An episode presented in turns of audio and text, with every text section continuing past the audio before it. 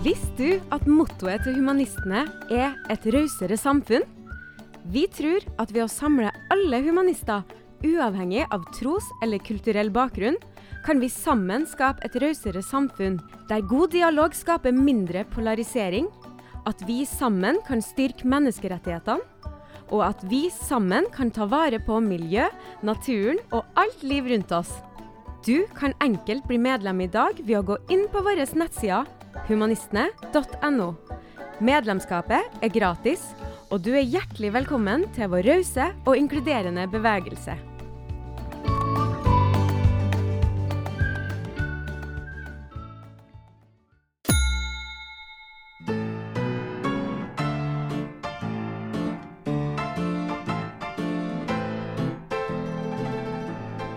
Velkommen til Raushetspodden, en podkast produsert av og med Humanistene. Vil du vite mer om humanistene, gå inn på humanistene.no. Gjesten i Raushetspodden i dag er kunstner, terapeut, gledesspreder og en kvinne med livserfaring som mange ville trodd kunne knekke et menneske helt. Men tvert om, Bjørg Toralsdottir har brukt sine erfaringer til å hjelpe sin sønn, seg selv og alle andre på sin vei med å mestre sorg og finne tilbake til gleden og livsgleden. God fornøyelse.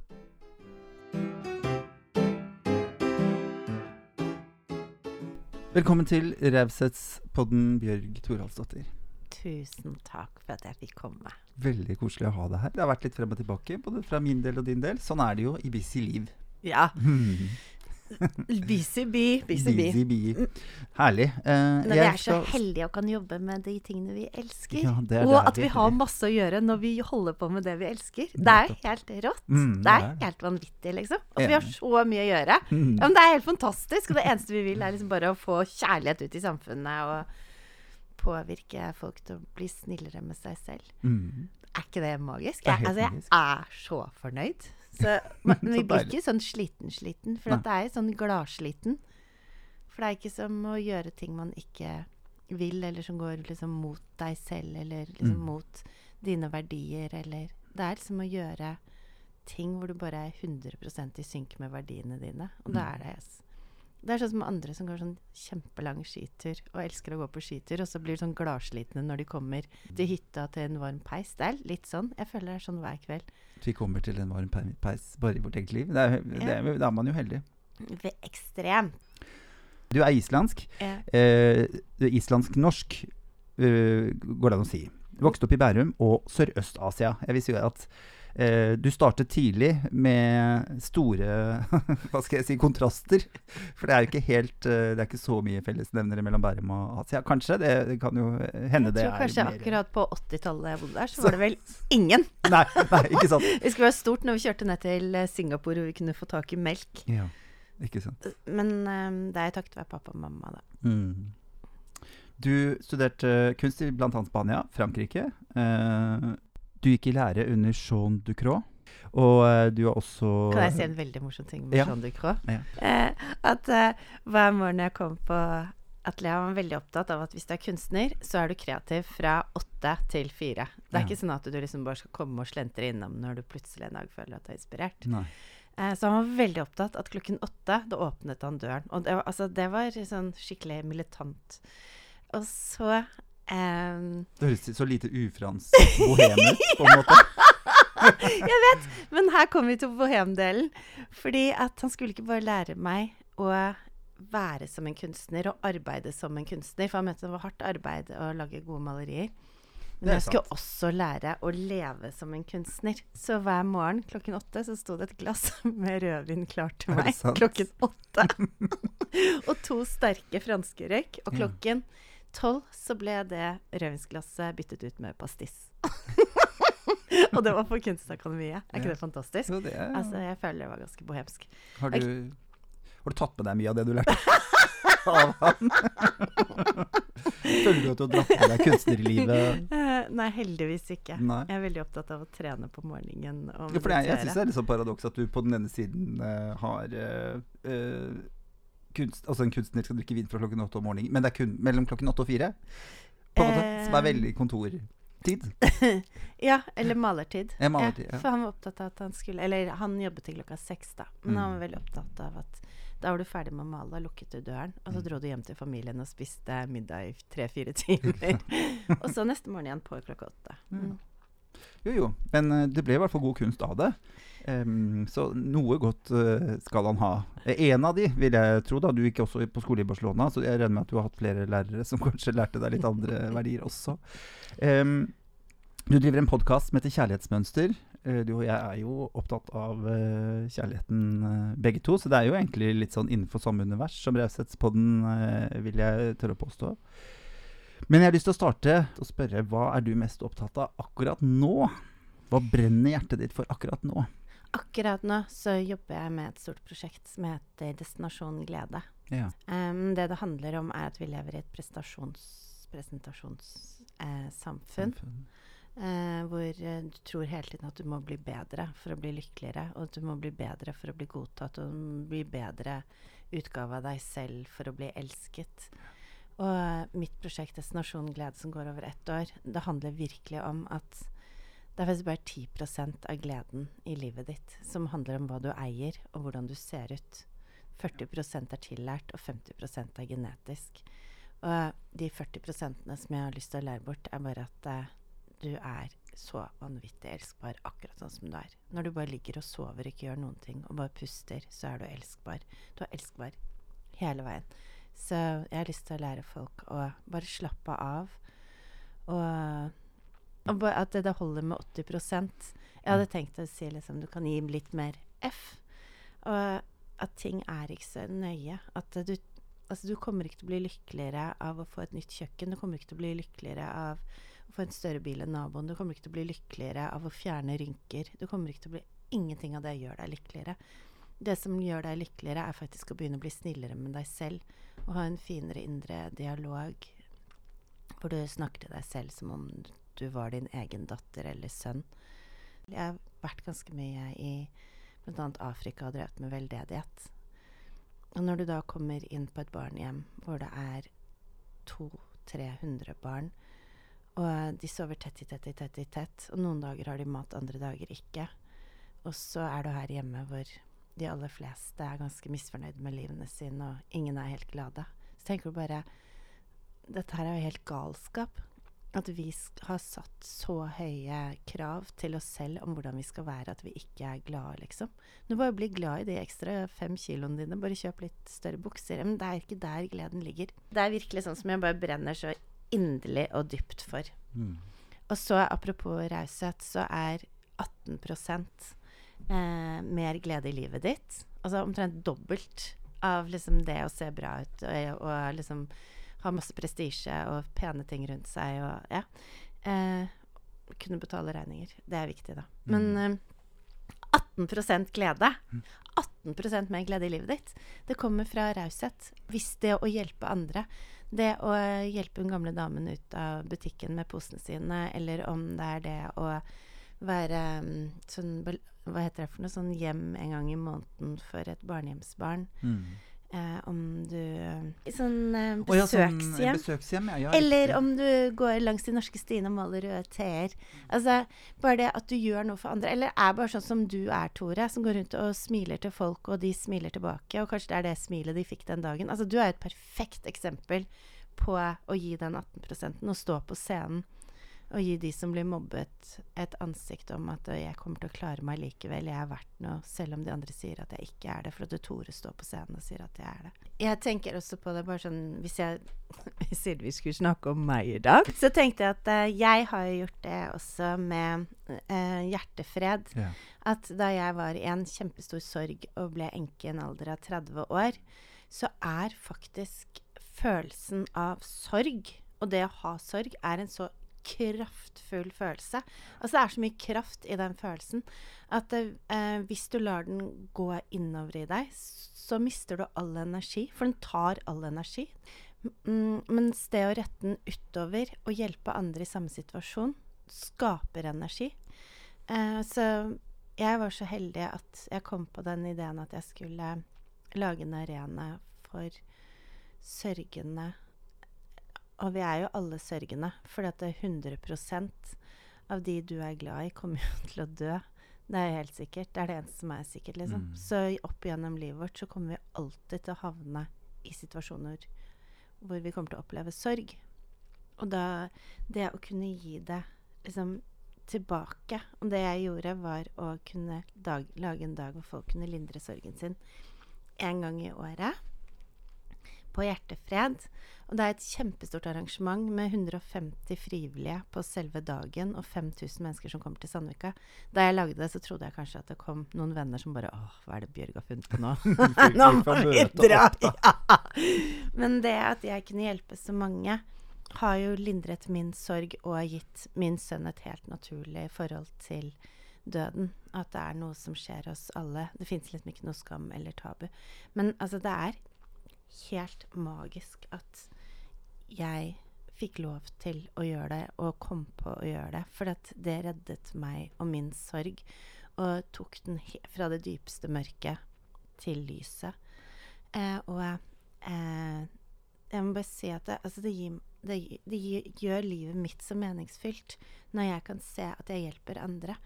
Og nå hadde jeg akkurat verdens nydeligste mamma som hadde mistet sønnen sin i selvmord for veldig kort tid siden.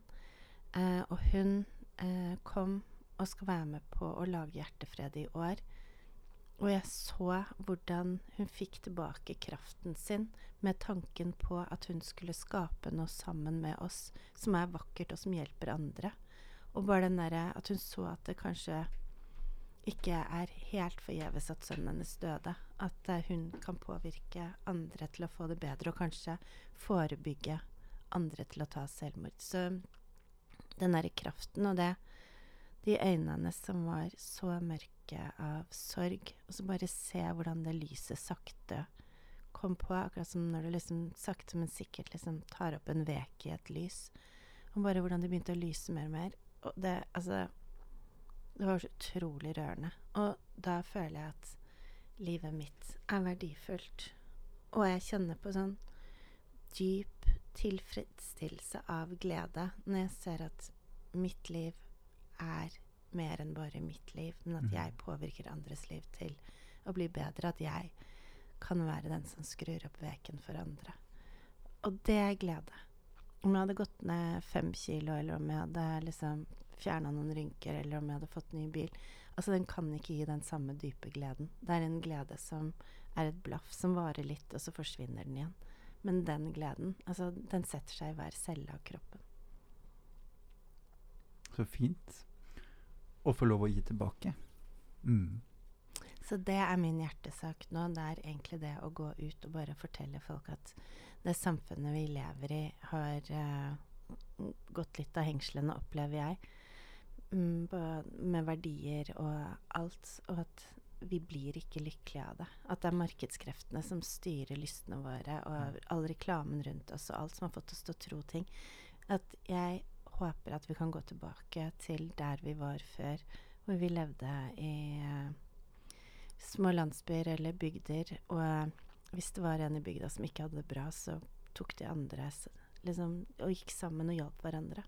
Jeg hadde en venn som flyttet ut på um, ut på, på landsbygda, da, men eh, til et veldig lite sted her i Norge. Det er ikke så veldig lenge siden. Og han flyttet fra Oslo, fra en bygård hvor han ikke kjente naboene.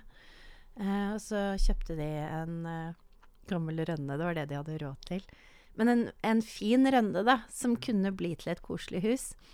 Eh, og så flyttet de inn der, og det var trekkfullt, og de bodde i ett rom, og så skulle de liksom bare pusse opp ett og ett, sånn at det gikk an å bo der. Og så um, sa han til en nabo liksom at nå hadde de i hvert fall bestilt vinduer, sånn at det liksom doble vinduer, sånn at de skulle få det varmt om vinteren. Og så spurte naboen når de vinduene skulle bli levert, og så sa han det. Og så gikk det noen dager og noen dager til, og så kom bilen med alle vinduene. Men samtidig så kom alle naboene rundt. Ja. Da hadde han fortalt til alle at den og den dagen så kommer vinduene til han, så da må vi dra dit og hjelpe han å få inn vinduene. Mm. Og eh, rundt huset, på stiger og stillaser, så sto alle naboene og hjalp å sette inn vinduene. Og han bare Han gråt når han fortalte det. Han hadde aldri opplevd et sånt fellesskap før. Og det er det som gir oss lykke. Det fellesskapet. Det at vi står sammen og gjør ting for hverandre. Uselvisk, men bare fordi vi har lyst til å gi. Og det er veldig viktig å vite at den som gir, blir aldri fattig. Hvor, kommer, hvor starter det hen? At vi er på At vi er litt sånn på blindvei? Hvor ligger liksom hovedproblemet, tror du? At vi er såpass på ja, på villspor, da? Eller? Mm, jeg tror at uh, sosiale medier og sånn har mye Altså, du ser det bare på ungdommen nå. Altså, det er vanlig for gutter å trene to timer hver dag på helsestudio. Altså, vi har fått noen eh, vi har fått noen idealer som bare ikke stemmer overens. Vi lever i en retusjert verden. Altså, jeg, bare, jeg, var hjemme hos en kamerat av meg som hadde arvet pappaen sin. Så vi skulle åpne opp alle eskene han hadde arvet fra faren sin. Og det viste seg at han hadde arva pornobladsamlingen til pappa. og det var liksom fra eh, 60-tallet omtrent frem til i dag. Men, eh, og vi bare OK. Så vi åpnet en vinflaske og skulle bare se liksom, hva er det far har sett på. Og det gjorde så stort inntrykk på meg. Og jeg kommer til Du er bare Nå er du på villspor. Nei, nei overhodet ikke. Det var nå det begynte å bli spennende. Hvor ender denne konklusjonen? Fortsett med pornobladet, tenkte jeg. Men det som skjedde, som jeg Altså, det gjorde vanvittig inntrykk på meg, er at det bare ble en så utrolig sterk kontrast til eh, hva jeg opplever i dag. Fordi at det var altså pornoblader fra 60-, 70-, 80-tallet. Kvinnene var høye, lave, liksom brede, smale. Store pupper, små pupper. Altså, det var alt! De, de var rødhåra, mørkhåra Det var liksom alt, alt, alt. Ja. Og så var det liksom deilige Birgitte og deilige Margarita og alt. Men alle var bare Det var vanlige kropper vanlige kropper, sånn som du ser i svømmehallen. Og så tenker jeg bare Fra det, liksom, til at alt var greit, og alle var liksom deilige, bare de tok av seg klærne, så til liksom eh, der vi er i dag Hvis du bare altså, ser på pornobransjen og var liksom Altså, det var litt sånn dårlig at jeg begynte men, bare, men, det blir så ekstremt, da. Hvis du da ser på hvor vi er i dag med de som er lettkledde, som alle sammen er operert med silikonpupper, og eh, alle ser like ut, og alle har hair extensions og farga hår og farga vipper og farga ditt og datt. Og det er ikke noe naturlig lenger. Altså, nå er jeg Høres ut som jeg så på villspor av det spørsmålet ditt. Men det jeg skal si, er bare at vi er blitt Det er akkurat som vi er blitt en del av et samlebånd med helt like eh, Barbie-dukker. Mens før så fikk vi lov til å være oss selv. Og jeg tror at du var lykkeligere før, når den peneste jenta du visste om, var hun som bodde nede i gata. For at du fikk ikke inn på din telefon hele tiden de peneste menneskene i verden. Og, du, og vi er jo sånn at vi sammenligner oss hele tiden. Og så plutselig så er det sånn at vi tror at for å bli lykkelige, så må vi bli så pene sånn. Jeg får så vondt inni meg over alle de som driver og skjærer i seg selv. Og tror at de skal bli lykkeligere av å kvitte seg med noen rynker, og betaler like mye for det som det det hadde kostet å bygge et helt barnehjem i Kenya. Tenk deg å reise ned da, til Kenya, til de 200-300 barna som bor på et barnehjem. Og så si bare 'jeg driter i de nye puppene og det der, alt det der', eller det nye kjøkkenet. Og så bygger du et barnehjem og gir de barna en seng, og bygger opp en skolebygning.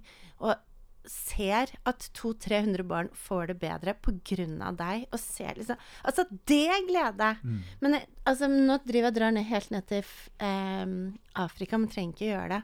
Men tenk å Altså, det er så mange fattige barn i Norge også. Men, og mennesker. Fattighuset har jo mer tilgang, nei, pågang enn noen gang, nesten. Mm. Så bare det å liksom kanskje dra ned dit og hjelpe til å lage mat, eller å bruke en del av pengene dine på å dele ut mat, liksom bare Altså, bare gjøre noe for andre, og gå tilbake til der vi var, da vi brydde oss om hverandre, istedenfor å sitte bare og Altså, jeg mediterer hver dag, men jeg føler at det har blitt sånn derre mi, mi, mi, mi, og jeg kommer til å bli lykkelig bare jeg er i stillhet og meditasjon og yoga. Og det er kjempeviktig for å liksom bli glad i seg selv og få kjærlighet til seg selv. Men etter at du har fylt på batteriene dine og har kjærlighet til deg selv, sånn at du er snill med deg selv, da skal den kjærligheten utover. Den skal ikke bli sittende, for da blir du ulykkelig. Du ser at de fleste av de der yogadamene som er kanskje mest kjente i Norge, har jo operert og har liksom sprøyta ting inn i ansiktet sitt og sånn. De syns jo ikke at de er vakre heller. De er ikke fornøyd med seg selv heller. Sånn at det funker ikke. Det som funker, er faktisk å være et medmenneske. Det å bry seg om andre. Det å se han gutten i gata som ikke har det bra, og kanskje begynne å invitere han hjem på middag en gang i uken, bare sånn at han føler sett, eller at du hjelper han litt med lekser. Altså, det betyr noe. Mm. Det er lykke. Det er glede.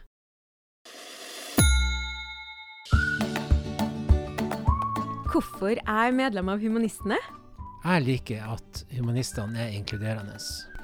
Jeg liker at jeg er med på å stoppe polarisering. De jobber mot urettferdighet. Jeg liker at de er opptatt av miljøet.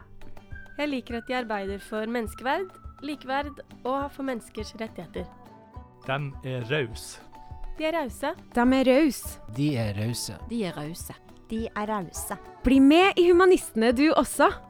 Det gjør du enkelt på humanistene.no. Humanistene et rausere samfunn.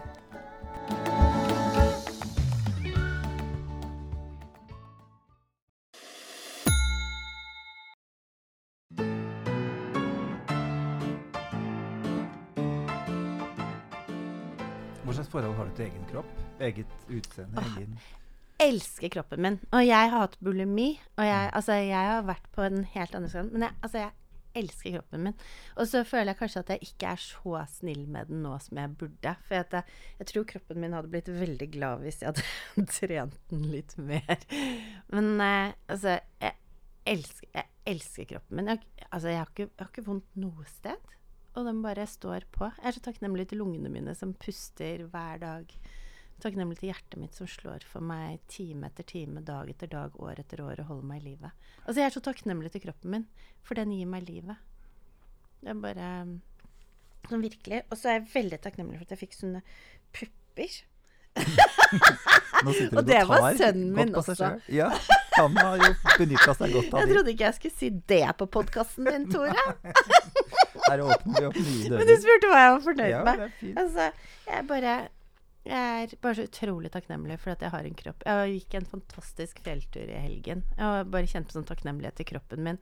At beina mine fungerer, og at jeg kan bare lukte inn lyngen. Altså, jeg, har Begge øynene mine fungerer, så jeg kunne se alt det vakre.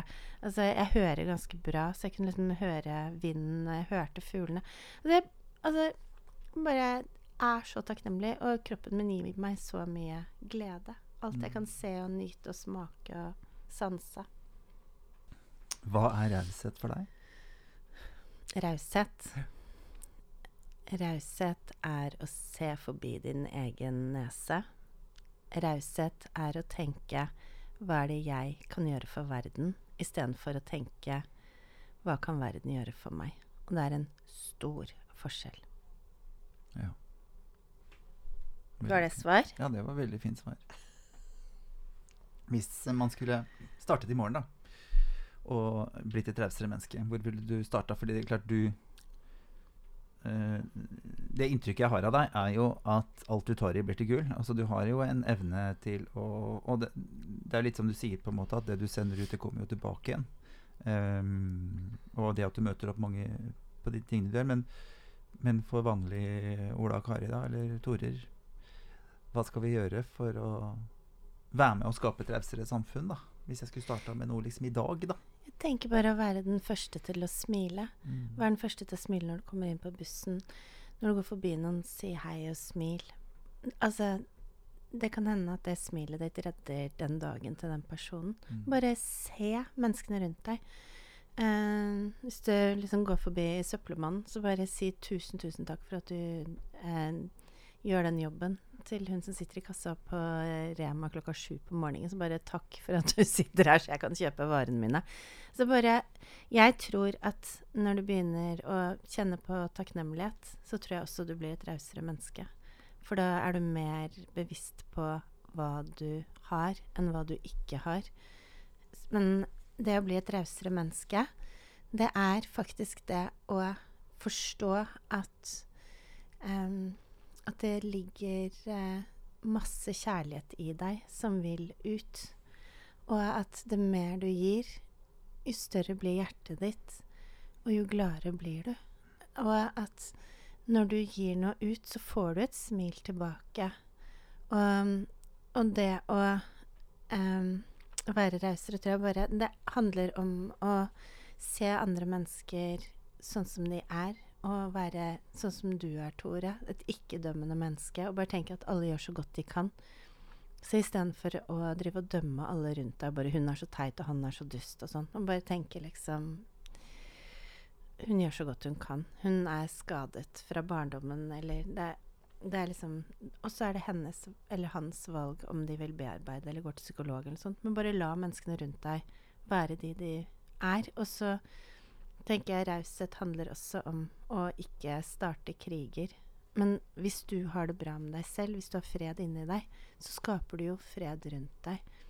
Og jeg hadde en gang eh, en, noen som hadde lyst til å lage krig med meg, bare fordi at uansett eh, hva jeg gjorde, så, så var alt veldig irriterende. Og så bare tenkte jeg at uh, det var noen som uh, bodde veldig nærme i nabolaget mitt. De, og det er noen som uh, syns at det er godt å lage krig rundt seg når de har krig inni seg. og da og, og, jeg hadde prøvd å være raus, jeg hadde prøvd masse forskjellig, og så så jeg liksom at jeg kommer ingen vei her. og så tenkte jeg bare og det som hjalp meg, var bare at jeg tenkte hver gang jeg tenkte på den personen, så tenkte jeg bare jeg ønsker de alt godt, jeg ønsker de bare kjærlighet. Jeg ønsker de alt godt, jeg ønsker de bare kjærlighet. I stedet, fordi at det som er, er at da er jeg raus med meg selv også. For hvis jeg tenker 'Å, fy fader, de er så slemme, og de er så duste', og sånn Det som skjer da, er at jeg drikker gift hver gang jeg tenker de tankene. Og så tror jeg at de skal dø av det. Ikke sant. Men det er jeg som drikker giften. Mm. Så bare det å liksom være ren, og så bare tenke liksom Jeg bare ønsker de alt godt. De gjør så godt de kan. Og så bare ikke, du, ikke tenke at du skal forandre på noen, eller gjøre noen eneste person du kan forandre på, er deg selv. Men det jeg gjorde da til slutt, var at jeg lager jo egne bobler som heter lykkebobler. Og jeg, som alle andre, må gå på polet for å kjøpe de. Eh, for det er jo norske avgifter, det er alkohollover og sånn. Men da kjøpte jeg faktisk en hel pall med lykkebobler. Og så fikk jeg levert det i oppkjørselen deres. Eh, fordi at eh, Også for de skulle ha en stor begivenhet som jeg visste om. Og så sa jeg gratulerer, og så fikk de en hel pall med lykkebobler. Og etter det så har jeg faktisk ikke hørt noen ting. Og det jeg vet, er at eh, hvis de skulle fortsatt og mast på meg, så vet jeg at det hadde kostet min energi. Og, det, og, jeg tenker at hver eneste dag er så dyrebar. Og det lærte jeg jo da mannen min døde, da jeg var 30. Mm. Hvor utrolig verdifull hver eneste dag er. For vi vet ikke hvor mange vi har. Og jeg vil ikke bruke dagene mine på å krangle med folk som jeg ikke når frem til, eller hvor det ikke er raushet, da. Med folk som er de som tenker hvordan kan jeg gjøre minst mulig og få mest mulig tilbake? Mennesker som uh, bare vil hamstre til seg, men ikke gi noen ting. Altså, du kommer ingen vei. Det er ikke noe vits i å bruke energi på det. Og hvis de plutselig liksom står med advokater eller hva som helst, så tenker jeg bare det koster masse penger, masse tid, masse frustrasjon. Altså, det er som å helle olje over dagene dine. Sånn, alt blir bare svart. Så brukt olje, ikke ny olje. Så Skitten, skitten olje. så, det, så jeg tenker bare det, og da eh, bare være raus der er også sånn at raushet i alt i livet. Men jeg bare ser på livet mitt som som jeg syns er så utrolig vakkert, med så mange fine mennesker. Og sånn som deg. Og da tenker jeg at eh, um, at det er jo fordi at det jeg gir ut, kommer tilbake igjen. Så det å være raus er bare gevinster. Det er så misforstått med de som tror at eh, hvis jeg bare karrer til meg, bare tær og tær og bare får mer og mer og mer, så kommer jeg til å være kongen på haugen og ha masse. Det som skjer, er at du er jo onkel Skrue som sitter der og har ikke noe Du har det ikke noe bra. Du sitter bare på toppen av en tue med masse ting, men du er ikke noe lykkelig. Man går på vranga, eh, tenker jeg ofte. At man går med alle de vonde følelsene sine utapå kroppen når man Mm. går og er sint. Ja, det egentlig faktisk Viser man bare alle sine store svakheter til Mm. alle rundt deg. Liksom. Jeg Mm. tenker det er sånn Kanskje en god tanke da, hvis man, når man møter mennesker som har behov for å flerre trynet av deg på Kiwi, liksom. Eh. mm, som- bare går og Ja. eh, ja, drikker gift i offentlighet. da At det handler om de, liksom. At, eh, at det kan være en lettere måte å forholde seg til det på. Sånn, Dette er ditt, dette handler ikke om meg. Og da bør vi jo heller Hadde, hadde de kommet med knekt bein, så hadde vi jo ringt ambulanse. da ikke sant? Mm. Hadde vi jo satt i gang en, en eller annen prosess. Vi hadde i hvert fall møtt dem med ekstremt mye åpenhet da Mm. og sagt 'kjære deg, dette skjønner jeg er vondt'. Mens eh, fordi at det bare er følelser og vi ikke kan se det på samme måte, tror vi, da. Så, så, men, men vi ser det jo.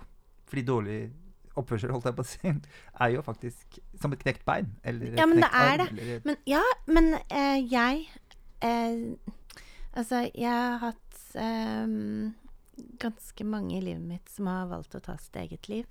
Og eh, nesten alle sammen har vært på legevakten, blitt avvist, dratt hjem og tatt livet sitt. Så, og, og det psykiske er faktisk Psykisk helse er det som koster samfunnet vårt mest. For det har så sinnssyke ringvirkninger også på de pårørende og på alle.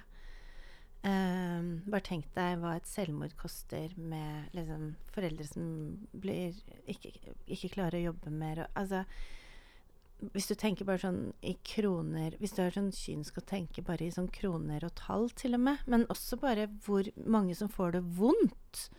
Og så det å begynne å forstå og ta vare på hele mennesket, og få vekk den tabugreia. For at vi detter alle sammen ned i et svart hull en eller annen gang i livet. Bare få vekk den tabugreia hvor, eh, hvor, er, hvor det er hull i gjerdet på Gaustad, og er du helt eh, liksom sinnssyk og sånn. Ja, vi er det alle sammen. Og så heller ta vekk tabu, ta vekk skam. Og så tenkte jeg bare det burde bli lagd en egen legevakt for psykisk helse. Det er galskap at vi ikke har en egen legevakt for psykisk helse, hvor folk blir liksom lagt inn. Og at det ikke blir lagt ned mer penger i forebyggende for psykisk helse. At det bare er på når det har gått for langt. Og det blir jo ikke lagt inn omtrent før du har gjort et selvmordsforsøk.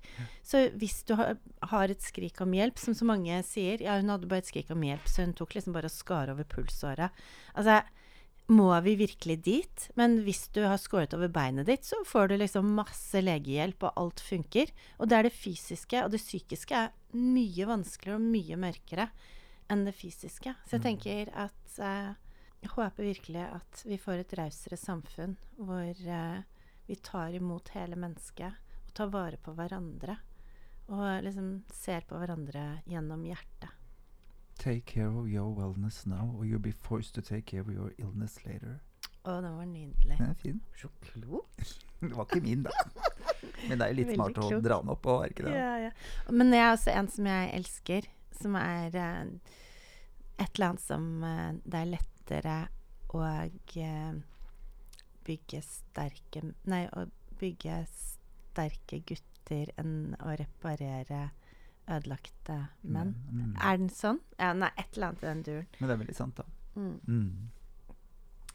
Em, du har mange prosjekter. Uh, du samler inn penger når du ser noe du syns er uh, urett. Mm. Du Men kan jeg si en ting med det? Ja. Fordi at um, i fjor så hørte jeg om et uh, barnehjem i Etiopia som hadde blitt tatt av um, flommen. Jo, men det var det jeg tenkte på. Uh, og da um, tok jeg og fant ut at hvis jeg lager et julemarked Det var jo covid- og koronatid. Men at hvis vi lagde et julemarked, og så var det en liten åpning før jul i fjor eh, Så jeg fant ut at hvis jeg lager et julemarked og klarer å få inn 200 000, så klarer de å bygge opp hele. Altså barn som først mister foreldrene sine, og så mister hjemmet. Og så lå de liksom og sov under trær hvor de var fritt vilt for voldtektsmenn. Um, så jeg tok og lagde altså dette julemarkedet, da. Hvor jeg ba alle bare komme og kjøpe alle julegavene sine. og så spurte jeg alle venner og sånt som uh, har butikker og lager og sånn, og, og folk om å ta med ting de ikke brukte lenger, så vi kunne selge second hand. Og så hadde vi altså et marked på Sjalmen.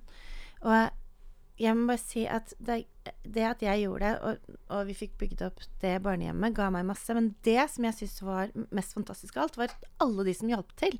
Alle de som var med. Alle, det var masse frivillige. Alle jeg spurte, sa ja. Og eh, alle sa liksom bare at det, det hadde betydd så mye for dem å være med på å gjøre noe så meningsfylt. Så de var så takknemlige også, og det er det jeg opplever med Hjertefred også, at folk er så takknemlige for å få lov til å være med og hjelpe til. Det er jo helt fantastisk. Mm. For jeg gjør ingenting alene. Jeg klarer ikke å gjøre noen ting alene. Jeg kan ha en idé, men jeg klarer ikke å gjøre noen ting alene. Jeg kommer ingen vei alene.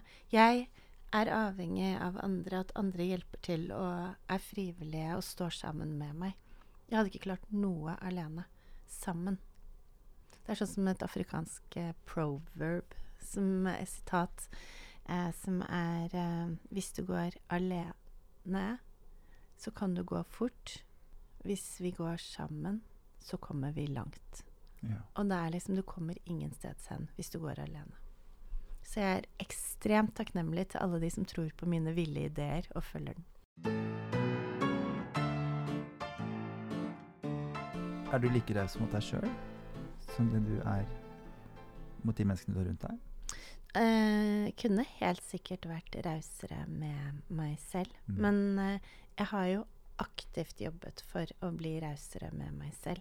Jeg har jo gått fra å være veldig selvdestruktiv og ikke hatt et godt selvbilde i det hele tatt, og kjørt meg selv helt i senk, uh, til å være på et sted nå hvor jeg er veldig bevisst på å være snill og god mot meg selv. Fordi at jeg vet at jeg må ha det bra og ha fred inni meg før jeg kan gi fred og glede og kjærlighet til de rundt meg. Mm. På, liksom uten at jeg blir tømt.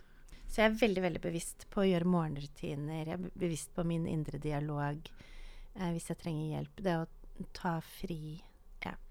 Mm. Du nevnte litt i stad at du har, eh, du har mistet Du har mistet en del folk. Uh, og du snakker jo Jeg hører jo mye på de tingene du gjør. Du snakker med veldig sånn letthet om helt forferdelige ting. På en måte. Altså ikke, ikke for å bagatellisere, men For det er det ikke i det hele tatt. Men bare, du, har en, du har en veldig sånn letthet i forhold til ting som kanskje andre går og holder veldig på. Men du må jo ha opplevd også en del sorg.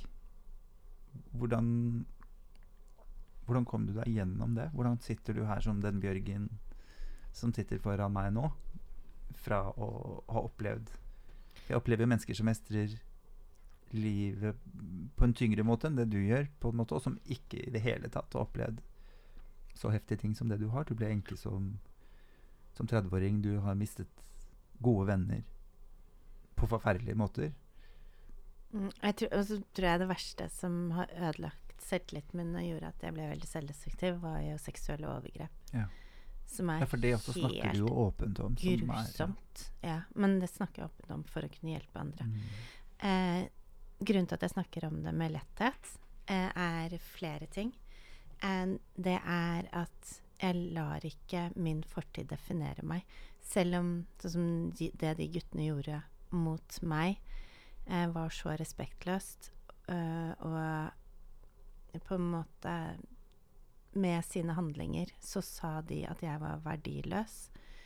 Eh, men jeg kan jo ikke ta det med meg videre, for det var jo dem og deres eh, actions ja, Deres Hva heter det? Handlinger. Ja, deres handlinger. Som var helt grufulle og har ødelagt ekstremt mye av mitt liv og selvbildet og alt. Men det som Grunnen til at jeg snakker om ting med letthet og åpenhet, det er fordi at det skjer ikke eh, grusomme ting Eller det skjer ikke en voldtekt uten en voldtektsmann. Sånn at det å ikke legge skyld på seg selv for at ting har skjedd, det å forstå at det er faktisk noen andres grusomme handlinger som har blitt påført deg. Det har, akkurat sånn som du snakket om i sted, det har ingenting med deg å gjøre. Du var et offer for noen andres sykdom, eller noen andres handlinger. Så derfor så Er det viktig å skille liksom, mellom å være et offer og det å være et offer for? At det kan være en enklere måte for noen kanskje å forholde seg til vonde, vonde ting andre mennesker gjør mot deg. da. At de er et offer for dette, så man ikke tar Mm. 'jeg er offeret'. mm. Ja, Ja, ja, det er kjempeviktig. At jeg ser ikke på meg selv som et offer. I det hele tatt. Nei. Men jeg, det som jeg er opptatt av, det er at eh, å ta følelsene dine på alvor. Følelser er ikke farlige. I det hele tatt. Følelser er ikke farlige. Angst er ikke farlig. Det som er farlig, er når du ikke setter ord på det. Når du lar følelsene være igjen i kroppen. Så jeg er kjempeopptatt av at hvis jeg våkner opp og er lei meg en dag, så tenker jeg hva, hva er det, hva er det Hvor er det dette her kommer fra? Og så, eh, og så er, føler jeg jeg føler på følelsen, og så setter jeg kanskje på Og så kanskje noen ganger så vet jeg ikke hvor den kommer fra, eller hva det er. Så bare setter jeg på en kjempetrist sang, og så lager jeg meg en god kopp med te, og er snill med meg selv og tar et pledd rundt kroppen. Og så gråter jeg og kjenner på den tristheten, og tar den på alvor. Og da tenker jeg at det å ta seg selv på alvor, er å ta alle følelsene på alvor. Og tilbake til det vi snakket om i sted, med Instagram og reklame, hvor alle smiler. Har du noen gang sett et sånn ukeblad hvor alle ser triste ut på forsiden? Altså, det er liksom Du skal smile, smile, smile. Og når noen tar et bilde av deg Smil, Mm. smile, cheese. Altså, du skal være glad hele tiden. Mm. Men uh, vi er sinnet vårt. Vi er eh, redselen vår, vi er angsten vår. Vi er alle følelsene våre. Og det å forstå at du er elsket for hele deg og alle følelsene dine. Og det å kunne ha sorg og gråte og skrike og, og det å forstå at hele deg er elskbar. Du er elskbar også når du er sint. Og du får lov til å være sint. Du er elskbar når eh, du er kjemperedd og pysete og burde egentlig turt å gjøre det, men du tør ikke. Da er du også elskbar. Altså, bare slutt med sånn optimalisering og tro at du må være perfekt for å bli elsket. Altså, du er elsket akkurat sånn som du er, med alle følelsene og hele deg. Og jeg tror det at jeg har en eh, mor som eh, har eh, lært meg at jeg får lov til å ha alle følelsene mine nå i voksen alder, for hun var ikke sånn da jeg var liten. Eh, men eh, Og det å gi slipp så at Sånn som med sorgen etter Eric. Jeg var helt ødelagt da mannen min døde. Det var sånn at Jeg klarte ikke å avslutte en setning på et år. Så det var sånn, Dora, storesøsteren min, sa det var så irriterende. For hun bare 'Bjørg, hvordan går det med deg?' 'Nei, det går Og så bare 'Bjørg!' Men jeg var helt fjern av sorg, og det var det jeg mente med at sorg tar så mye energi. Eh, men jeg var i sorgen. Jeg gikk igjennom den. Jeg gikk hvert eneste skritt.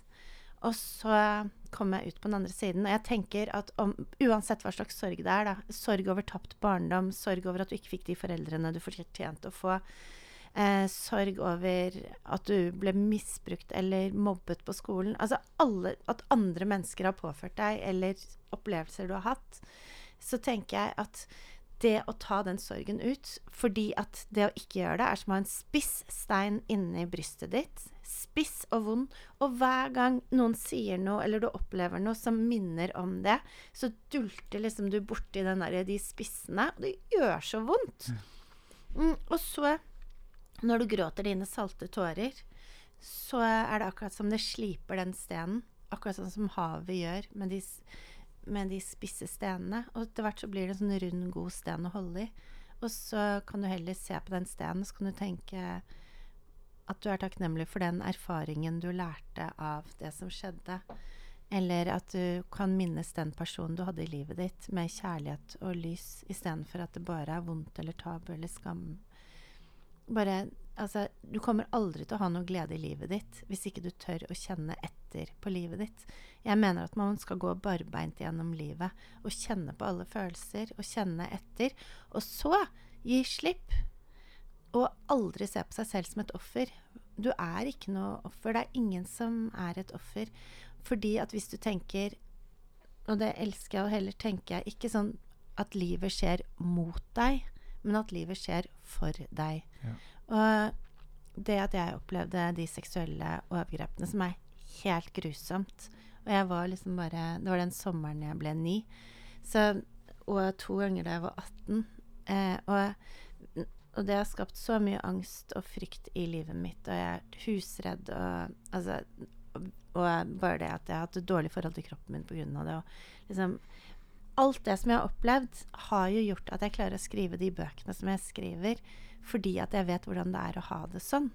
og at jeg har vært på krisesentre rundt omkring, og at jeg kunne hjulpet Så jeg har fått tusenvis av takkebrev fra fengsler og fra kvinner over hele Norge. Og jeg hadde jo aldri klart å gjøre det hvis ikke jeg hadde hatt alle de vonde opplevelsene selv, og bearbeidet de, og kommet videre. Så jeg vet at folk sier sånn Ja, det, alt skjer for en grunn. Og så tenker du sånn Det vet jeg ikke. For når du ser liksom et barn som har fått kreft, så tenker jeg Altså, jeg kan ikke se Altså, det blir bare meningsløst. Men hvis du allikevel klarer å finne en mening i de verste tingene Veldig fint.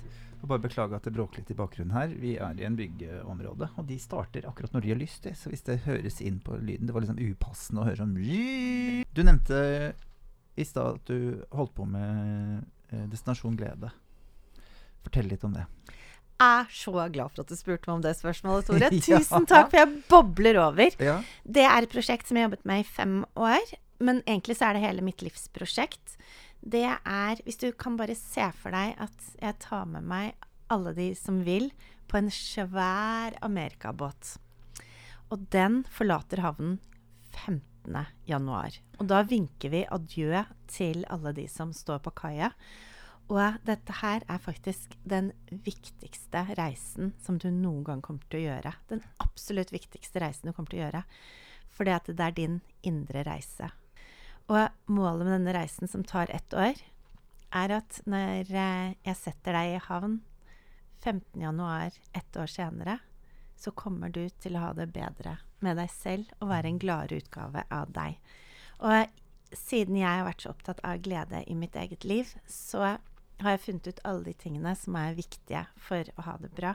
Så først så drar vi innom den første øya, hvor mamma står og tar oss imot. For hun er en Mm, fantastisk eh, terapeut, og Mm. Annike Lien som jeg har Kjærlighetsmennesker-podkasten med. Og meg. Og så skal vi gå gjennom i 66 dager og jobbe med egenkjærlighet og eh, relasjoner. Og du får masse verktøy. Du får en dagbok som du fyller inn spørsmål med hver dag, sånn at du blir ordentlig, ordentlig klar over hvem du er, hva du vil. Eh, og så får du en helt annen og ny indre dialog. Det handler bare om å bli snillere mot seg selv. Og ta vare på seg selv og ville seg så godt vel. Og da når du liksom har gått inn, inn, inn og bare har det godt, det er jo fredsarbeid i heimen. Ja. Så jeg har lagd forskjellige øyer, sånn at eh, Mm. etter den så går du på rutineøya. For jeg er vikt, veldig opptatt av morgenrutiner og kveldsrutiner. For du Mm. får et så utrolig mye bedre liv når du får med meditert litt og gjort skrevet litt om morgenen og sånn. Og det handler bare om indre dialog, å få det bedre, å være more in tune with yourself. Mhm. Og så etter uh, rutinen så drar vi til neste øy, og det er um, å trene. Fysisk aktivitet er så viktig, for det gjør deg sterkere mentalt også. Og Mm. når livet plutselig blåser opp til storm, så kan skje sånn! Du plutselig får vite at eh, at um, mannen eller kona det har vært utro, eller at, liksom, eller at du, en du er glad i, har blitt syk. Hvis du har, er trent, så har du mye flere lykkehormoner oppi hodet ditt. Oppi det vakre hodet ditt. Og så skal vi innom kosthold. Um, ikke sånn nazi-greier i det hele tatt, men det handler bare om å ville kroppen sin vel. Og kanskje bare bytte ut ting, sånn at man får det best mulig i sin egen kropp. Og gir sin kropp det den trenger. Og det er virkelig kjærlighet.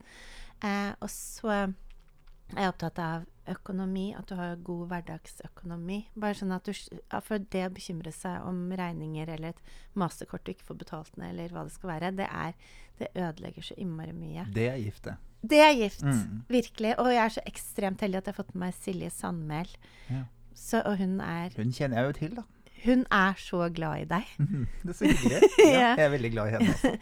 Og så Forandra livet mitt. Ja, det er helt Mm. fantastisk. Ja, og hun kommer til å forandre livet til alle. Er det ikke helt Mm. magisk at hun er, er med? Og hun er altså Hun vil jo bare at folk skal ha det bra. Hun er et virkelig godt menneske. Så å ha henne der kommer til å være kjempeinspirerende. Og eh, life-changing. Og så eh, er det kommet til det viktigste av alt for meg, og det er hjertesak. Og det er at eh, vi får alle til å finne ut hva som er din hjertesak. Alle har en forskjellig hjertesak. Altså, hva er din hjertesak eh, akkurat nå, Tore? Hva er min hjertesak akkurat nå? Nei, jeg er jo ehm, jeg er veldig opptatt av, at mennesker skal ha en bedre psykisk helse. Jeg syns det er uh, egentlig veldig litt sånn det du har vært inne på her i dag. At uh, alle de der eh, eh, forråtningsprosessene vi går gjennom.